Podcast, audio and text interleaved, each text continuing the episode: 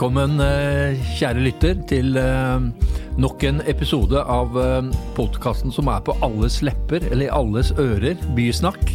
Mitt navn er eh, fremdeles Erling Fossen, og mitt faglige sidekick en som er selverklært nerd, som bare elsker å lese reguleringsplaner og tenner der andre sovner. Maren Bjerke, hva har skjedd siden sist med deg? Altså... Vi henger ikke sammen så ofte på privaten. Nei, det er jo ikke så mange steder å henge. Eller nå Nei, er det, jo, det er korrekt. Ja, det er jo det som er problemet. Eh, men nå er det jo åpnet for Negroni-servering igjen, så da kanskje det blir men muligheter. Du, men holder du trøkket oppe, eller er det bare ja, ja. covid-19 og hjemmekontor og tosomhet med typen din og Nei da. Det, det er det òg, da. Jeg er god til, multitasking, vet du. men hva er det vi da skal snakke om i dag? Eh, vi har jo nå fått stadig flere henvendelser fra lytterne våre som vil at vi skal ta opp uh, ting. Uh, hvilket tema er det i dag? Er det tenkt av eget bryst? Nei, hva heter det? Sugd av eget bryst eller tenkt på eget hode? Eller er det resultatet av innspill fra andre? Det er vel uh, i en diskusjon vi har hatt, uh, dette har kommet opp, uh, hvor vi da skal snakke om det største prosjektet i Oslo, og vel også kanskje det mest omdiskuterte prosjektet, nemlig regjeringskvartalet. Men vi skal ikke i dag debattere samlokalisering eller ikke, og størrelsen på prosjektet i kvadratmeter. Vi skal dykke ned på uh, problematikken knyttet til bygulvet. Uh, og hva er de urbane kvalitetene uh, til prosjektet? Og hvordan påvirker et så stort prosjekt byen ellers når det gjelder urbanitet og aktivisering? Intet mindre. Nei. jeg husker jeg må da ærlig, eller beskjemmet, nei, jeg må ikke si det heller, men ærlig innrømme at jeg skrev et blogginnlegg når jeg så de første planene for det nye regjeringskvartalet. Så skrev jeg et begeistret innlegg. fordi eh, når man kommer ned Akersgata, så får man da plutselig fjerna den grusomme Y-blokka og, og, kommer rett, rett, inn i en fantastisk park. Og så tenkte jeg endelig Vi skal heller ikke debattere det i dag. Men, eh, men endelig så åpnet uh, byen seg øst-vest. Det var lett å bevege seg øst-vest i byen. Så jeg tenkte liksom halleluja, og det, det fikk jeg mye kjeft for. Men for å diskutere denne problematikken, da. Så har vi Morten, Morten Haverån, som er eh, samfunnskontakt eh, i Statsbygg. Eh, og den som skal sørge for at hver gang det begynner å, å, brenne og det er for mye kritikk, så skal du gå ut og slukke det med brannslukkingsapparatet ditt. Og så er det Runar Eggesvik, eh, seriegründer. Vi må beskjemmet innrømme at det tok oss nesten ett år i podkasten vår Bysnakk før samme gjest kom nummer to, gang nummer to. Du er den første gjesten vi har hatt da to ganger. Så hyggelig. Eh, ja, og vi har tenkt litt på årets, det. Årets pollinator 2021. Eh, ja, så det er ikke så fordi er... vi er fantasiløse, nei, nei. det er fordi han har et finger med i alt. Det er det. Riktig. Men starte da med deg, Morten Havrån. Altså, kan du litt sånn um, billedlig og visuelt fortelle noe om hva er det faktisk planene for regjeringskvartalet? Altså, Hvorfor skal Oslo-folk glede seg til det kommer? Oi, det var et kjempestort uh, spørsmål, Erling. Men uh, først tusen, tusen takk for å få komme her. Jeg er bare så vidt første gangen for meg. da, så Det blir nok lenge til jeg kommer neste gang, tenker jeg, etter denne prestasjonen vi, vi får fram her. Jeg, jeg, jeg, kanskje ikke Skal vi dra hele regjeringskvartalet? Det er vel litt sånn komplisert. Men eh, eh vi bruker iallfall veldig mye ressurser på å utvikle de offentlige rommene, byrommene mellom disse regjeringsbyggene. Eh, vi legger vel inn ned bortimot en milliard bare i bygulvet eh, rundt og i regjeringskvartalet. Så det er, det er ganske store ressurser som gjøres for å, for å sikre på en måte, det fysiske grunnlaget for, for, et godt byliv. Men så er jo ikke det nok, det vet vi jo. Det er jo ikke nok å, å legge fysisk til rette, men det er iallfall en forutsetning. Eh, men så har det vært litt fokus på dette med, med perimeter og sånn. da, det som vi kaller for perimeter. Det kan jeg si litt om etter hvert. Men, ja, for det er jo det som er vanskelig. Ja, Perimetersikring. ja, men eh, altså, sånn som det sto i tittelen, liksom at det er, det er, det viktigste premisset, og det er det jo selvfølgelig ikke. Altså, Perimetersikring er jo bare en, en liten element både av regjeringskvartalet og av sikringselementene i regjeringskvartalet. Hadde perimetersikring vært alt, så hadde det vært et, et, et traurig, traurig ting vi holdt på med der oppe. Men det er jo en paradoks at dette er i sentrum av sentrum, og alle tenker da at det skal være yrende byliv. Men det, Statsbygg er mest opptatt av uh, trygghet, sikkerhet, og vil egentlig da egentlig fjerne hele området for mennesker. For da kommer det ikke noen potensielle terrorister heller. Så, det er en motsetning her. Ja, det er en motsetning, men den blir nesten teoretisk. da. Altså For det eneste perimetersikringen gjør, det er jo å holde unna uønska kjøretøy. Resten kan flyte akkurat sånn som, sånn som før. Altså så Gående, syklende, alt mulig slags folk inviteres jo inn og jo liksom, kan, kan, jo gli mellom alle byggene. Det er ingen stengsler på det. Så det er bare store kjøretøy man vil måte, hindre med dette såkalte perimeteret. Det er jo som en, en, en, et annet ord, det er liksom en sånn sikkerhetsring da, rundt, rundt eh, bygningene. Eh, som skal hindre uønska kjøretøy å komme, å komme, nærmere. Men som, som, da går en relativt uh, stor sone utenfor selve regjeringskvartalet. Uh, så, sånn, hvor går grensene for det? Altså, jeg så også bilde av da, perimetersikring. Det høres så rart ut. Det er jo bare en slags for grensesikring. Ja. Og det er da sånne pulleter som går uh, opp og ned. Uh, ikke visuelt støyende. gående null problem. Syklende null problem potensielle terrorister, litt større problem. Litt større problem. Ja. Eh, men da Runar eh, Eggesvik, altså fordi Jungstorget Youngstorget blir jo da en del av innenfor denne perimetersikringen. Mm. Og, og det er, er, er, er, det der den største konflikten går, mellom det nye regjeringskvartalet og da den eksisterende byen? Konflikten handler om at man plasserer et ganske stort apparat midt i et levende byrom, som det er jo, Grunnlaget for det er selvfølgelig en, en, bombe og et sår som blir lagd. Uh, og så er det spennende å se hvordan dette såret da skal gro veldig sakte sammen. Uh, jeg har drevet uh, mye virksomhet rundt Youngstorget og på Youngstorget. Og jeg driver også nå satser veldig på Tulleløkka på den andre siden av dette såret. Og, og, det er veldig spennende å se hvordan, hvordan dette binder sammen. Og der, mm. det, det, kunne du skryte litt av, Morten. Det lages f.eks. et nydelig parkrom. Ehm, mot Deichmanske, og, og, vi håper at det blir gode forbindelseslinjer. Men, men det er denne, denne, denne paranoiadrevne byutviklinga mm. som, eh, som, vi er litt redde for. Også fordi at den er litt hemmelig og lite kommuniserende. Og, og, og spør ikke så mye de som driver med, med, med, med dette, om, om, hva vi synes. Mm. Um, jeg var på et møte for noen år siden, kanskje to-tre år siden, kanskje, hvor, hvor, hvor, hvor, vi fikk vite at, at, at varene måtte hentes, eller sjekkes i Kolbotn f.eks. Måtte ut av byen for å sjekke eh, måtte, burgerne til fyret. Eh, må, må, må, må terrorsikres. og, og det, så det er, ikke, det er, ikke, bare at kjøretøyer skal, skal, stoppes, det er en sånn sikkerhetsregime som virker eh, vanskelig å forstå. Så har vi andre bymessige grep altså 37-bussen er i spill. Det betyr noe for noen millioner reisende i året. Eh, og eh, vi skal, det skal bygges en, tunnel eh, som skal ned 20 meter. Den skal, den, skal bygges, den skal, bygges, på, den skal bygges ned. Og den skal utvides, Hammersborgtunnelen, som påvirker da et helt nytt byområde på Tullinløkka-sida. Mm. Og det er jo ganske alvorlig, fordi at der kan det bli en del stengsler for nye ny, nye bygg, ny virksomhet nye kontorister. Mange, mange mange tusen mennesker som, som, eh, som skal dit. Mm. Så det, mange, det, er, det, går i alle retninger. Eh, men, eh, men, men jeg, da kan vi prøve å Men ta, ta hver og en av dem. Det. Nei, for jeg tenker Jeg har jo sett planene for den nye planlagte regjeringsparken. Og den vil jo bli et mye bedre tilskudd enn Ring 1, som per i dag er en voldsom barriere. Så eh, den tror jeg er veldig lett å forsvare. Eh, selv om eh, trafikalt, når Ring 1 skal stenges i tre år, så er det åpenbart at det er andre steder i byen som kommer til å få mer omkostninger. 37-bussen den betyr mye for mange. Da kan vi starte der. Morten, hvordan løser vi problemet med 37-bussen? 37-bussen er jo ikke, eh, Når ting er ferdig, så er ikke 37-bussen noe problem lenger. Da skal den tilbake i Akersgata. Det er, alle parter ønsker det. Alle parter legger opp til det. Vi planlegger og har begynt til med å bygge nå i Akersgata med bussholdeplasser som skal være klare for 37-bussen når man måte er ferdig utbygd og har fått flytta fra regjeringsbygg nummer fem. Slik at ikke bussene går helt opp i fasaden til regjeringsbygg.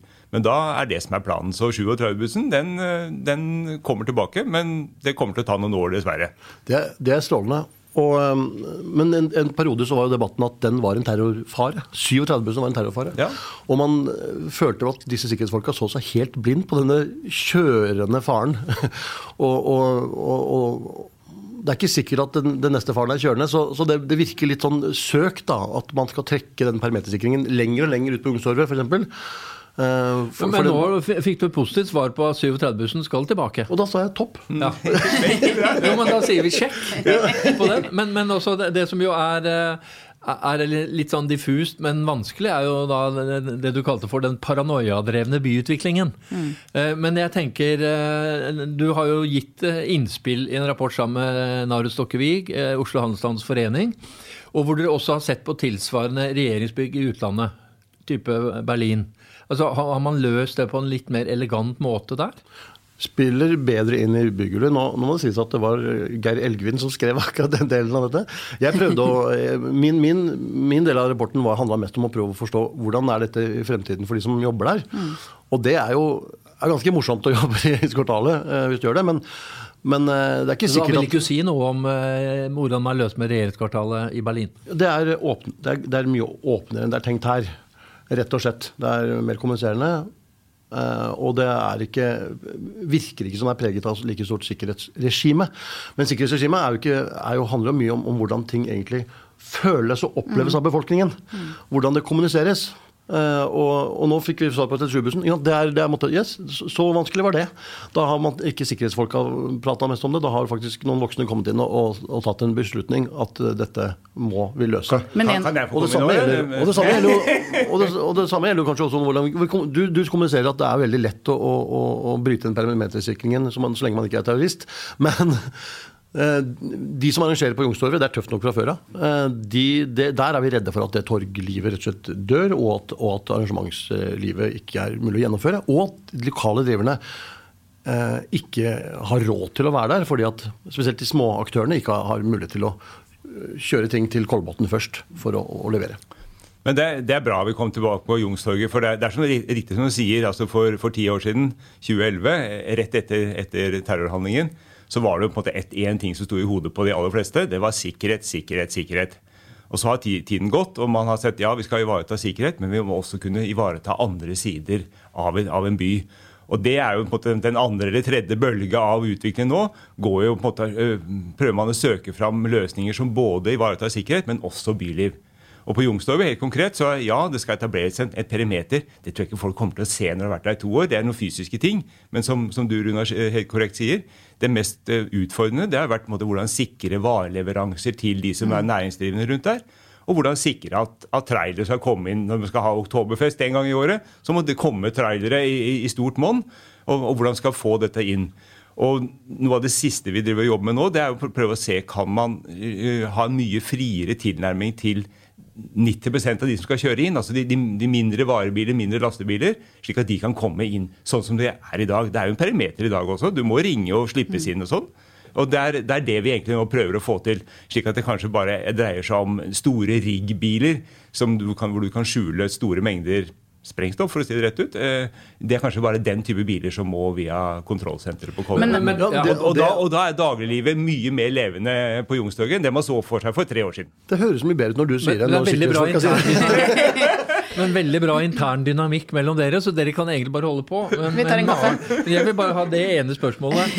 Er det nå slik at eh, når jeg skal spise eh, burgeren min på fyret, eller er en slags form for uh, veldig god, avansert karbonade, mer enn en burger. Må den da terrorsikres i Kolbotn? Nei, det er det vi nå uh, skal utvikle et system som gjør at det ikke må det. At det er en, en varebil som kommer med, med hamburger til fyret, skal kunne kjøre inn, og kanskje han da må kommunisere på nett ved, mot en kontrollsentral og si at her kommer jeg, jeg har kjennetegn sånn og sånn på bilen. Så, så kommer du gjennom. Ja. Men uh, jeg er litt opptatt også av den uh, Runar, du var litt inne på det, men den uh, opplevde følelsen av at dette er et tilgjengelig område. og det er jo, ikke sant, Man tilrettelegger fysisk for at det kan skje, men veldig mange steder i byen hvor man kan komme til, eh, oppleves likevel som steder man ikke skal være. Fordi de er en følelse av at det er privatisert, eller at det er noe med eh, stemningen på et sted som ikke eh, tiltrekker byliv. Og Det er jo et, også et spørsmål det med hvordan greier man å mot... Det blir jo et svært område. Eh, hvordan greier man å motvirke følelsen av at man litt sånn sniker seg gjennom? For bare allerede med denne berømte perimetersikringen, så vil man jo føle at her, her skjer det noe. Eh, her endrer byen karakter. Eh, og det blir jo ganske spennende å se da, hvordan det faktisk vil fungere. Eh, og ønsker man en ting, at man har åpne førsteetasjer, men vil det tiltrekke folk utenfor eh, eller ikke? Jeg, jeg, Var det et åpent spørsmål? Det var et åpent spørsmål. Jeg, øhm, jeg tok en liten øh, øvelse med linjal i går og bare sånn, øh, øh, tok og målte opp. altså Hvor som helst du står øh, i det nye regjeringskvartalet, så er det 100, mindre enn 100 meter til nærmeste vannhull eller kafé. Så det er et veldig kompakt regjeringskvartal. Det er ikke så stort som man forestiller seg. Det er mindre enn det er i dag, øh, det arealet som, som belegges av, av regjeringsbygg. Og som sagt, det er altså kort vei til på en måte, den pulserende, by, virkelig intense bylivet fra hvor som helst i regjeringskvartalet. Men det jeg også lurer på, er eh, Det er åpenbart at eh, eh, veldig mye av bylivet og gatelivet vil skje i randsonen. Typen Bøllegata, Youngstorget osv. Men er det tilrettelagt for noen åpne funksjoner i, i selve regjeringskvartalet? Jeg vet denne rapporten eh, foreslår f.eks. For da eh, et døgnåpent studio hvor alle de viktige politiske debattene tar. Er, sånn, er det noen muligheter for å få noen offentlige eller åpne funksjoner inne i regjeringskvartalet på bygulvet? Altså, Alle uh, funksjoner på bygulvet er åpne. Uh, byggene er stengt uh, hvis du ikke har noe der å gjøre, men alle er åpne sånn sett. Og, men det mest, det mest åpne er jo parken. Og I parken så er det annet lagt til rette til en type man kan foreløpig kaller man en paviljong, som meget vel kan måte akkurat fylle den funksjonen som et sånt eh, sted hvor politikerne møtes for å holde Dagsnytt 18-debatter, eh, andre ting. Det kan meget vel skje der, eller andre steder. Og der har vi også da, I tilknytning til den såkalte A-blokka har vi også da eh, satt av plass til en restaurant, kafé, hva vet jeg, akkurat hva det kommer til å bli. Kanskje vi må hyre inn eh, Runar til å, til å programmere det stedet til å bli skikkelig bra. Men med da eh, uteservering, et amfi ned mot Akersgata. Slik at det er steder som er også tradisjonelt byliv. Men så må man si at byliv er jo ikke bare det å sette seg ned og ta en, ta en, eh, en kaffe eller et, glass vin. Det, også, det kan tillate seg noen deler av byen som har en litt annen tone, en litt annen puls. Og hvis det skal etableres et 22. juli-senter, det skal etableres et nasjonalt minnesmerke altså Det vil tiltrekke seg også folk som med en litt annen måte, mental innstilling. Og det tror jeg på en, måte, en by skal kunne få til tillate seg å ha. Vi skal ikke bare tenke at alt må være Torgata. Da blir Torgata liksom forflatet. For, for, for. Så vi må, må tillate oss byliv på, over flere dimensjoner. Ja, det er jo et helt vilt byliv eh, som kanskje til og med har skjedd pga. dette såret i byen, spesielt på Youngstorget-siden. Og så eh, eksploderer det på Tullinløkka-sida med masse nye eh, store, fine møtesteder, kultursteder osv. Jeg har hørt noe om trekanten som skal åpne. Ja, Altså, det, når, når Statsbygg river Viktsjøbygg, så er vi så heldige at det står et, et, da, gamle helserådet eh, nede i, i, på Tullenløkka som, som eh, vi får lov til å forvalte og åpner 15. august. Men, men eh, og det, det er, og det Så det bylivet vil jo være der. Eh, Det er måte hva, hva som hindrer det. Og, og vi er redde på Tullin-siden, eh, fordi at der skal det jo graves en, en tunnel som eh, er en fin måte å stoppe trafikken i tre år, som gjør at den kanskje til og med ikke er bruk for den tunnelen når den er ferdig. Men, eh, men da skal det da visstnok komme en bro fra St. Olavs plass og, og helt ned, langt ned Universitetsgata. Og det er sånne ting man Når man liksom har fullført området, er i gang, og skal, så er vi jo livredde for at at vi blir ikke ferdig med denne bygginga. eh, At den blir med oss videre. og At, at det ikke er tilrettelagt for byliv i byggeprosessen. Eh, og det er, det er jo en, en redsel og en kommunikasjonsutfordring for deg, Morten. Hvordan, vi, hvordan det skal eh, Men, men, men din opprinnelige bekymring virker som du har fått gode svar på mye av det. Altså, fått- eh, Burgeren på fyret skal ikke ut i Kolbotn for terrorsikkerhet. 37-bussen kommer tilbake. Men det er for, fordi nå, nå flytter du fokus. ja, eh, nei, det, Nå er det tulling plutselig. Ja, Nå har vi tatt alle de tre tinga. eh, Ja. Men, men akkurat den biten der, den, den visste ikke du så mye om. eh, Nei, vi er ikke involvert i noe der eh, På denne siden av regjeringskvartalet er ikke vi involvert i noen det, ting. da, må dere, da må dere prate med de Vi skal prate med våre deres, venner- venner i at ikke de- Vegvesenet. At ikke de, at ikke de måtte torpederer byliv i tre år. Det er helt vesentlig på Tulleløkka-siden. Eh, vi må inn for landing. Maren? Vi har jo fortsatt mange spørsmål. fort. Vi har ikke løst det. Vi- Runar har en lang sjekkliste av ting vi skulle løst nå, men eh, vi har fått eh, gode svar. Um, og vi eh, Du er vel fortsatt uh, begeistret, Jeg gleder meg vilt til det nye regjeringskvartalet, og særlig regjeringsparken kommer. Det blir bra. Uh, Vi har ikke pratet om Deichmanske, som jo redder hele bylivet i dette området, og som er et fantastisk privat initiativ. Runa, det er alltid slik på slutten. Så kommer du på ja, men, dette, Digitalisering! Nå, nå Deichman. skrur av mikrofonen, da. Gamle Deichmanske blir helt fantastisk, blir fordi det. den spiller da mm, på lag med regjeringsparken. Den får en helt ny setting med den parken foran. Det må vi prate om i denne Så- podkasten. Ja, Det, ja, vi, noter, vi noterer oss det. Hele Hammersborg burde vi også snakket om. da. Det Ja, ja, er jo kjempespennende det som skjer der. Da har vi to, har vi to podkaster Nå skal vi i hvert fall ikke til. bruke mer tid på å snakke om Men, ting eh, som vi burde snakke om. Nei. Nå er det slutt. Eh, nå er det slutt. Eh, men regjeringskvartalet kommer. Eh, vi håper det blir bra, eh, og at eh, Tullin eh, ikke blir eh, torpedert av eh, veisystemet. Det er vel egentlig oppfordringen eh, til eh, Statsbygg. Å følge opp det, sånn at vi får den gode utviklingen som har begynt her, og at områdene også rundt regjeringskvartalet eh, blir levedyktige. Vi gleder oss til 15. august, Trekanten. Men at Ring 1 stenges i tre år, er jo bare muligheter. Hvis man skal begynne å problematisere det, det er da melder jeg meg ut. Jeg melder meg Helt opp. Morten Averholm, tusen takk for at du kom. Takk skal du ha. Eh, Runar Egesvik. Eh, nå får vi se hvor lang tid det tar før du kommer tilbake. Takk for at dere kom. Eh, jeg tror at alle dere som hørte på nå, begynner å glede dere litt til at regjeringskvartalet skal stå ferdig. Takk for i dag.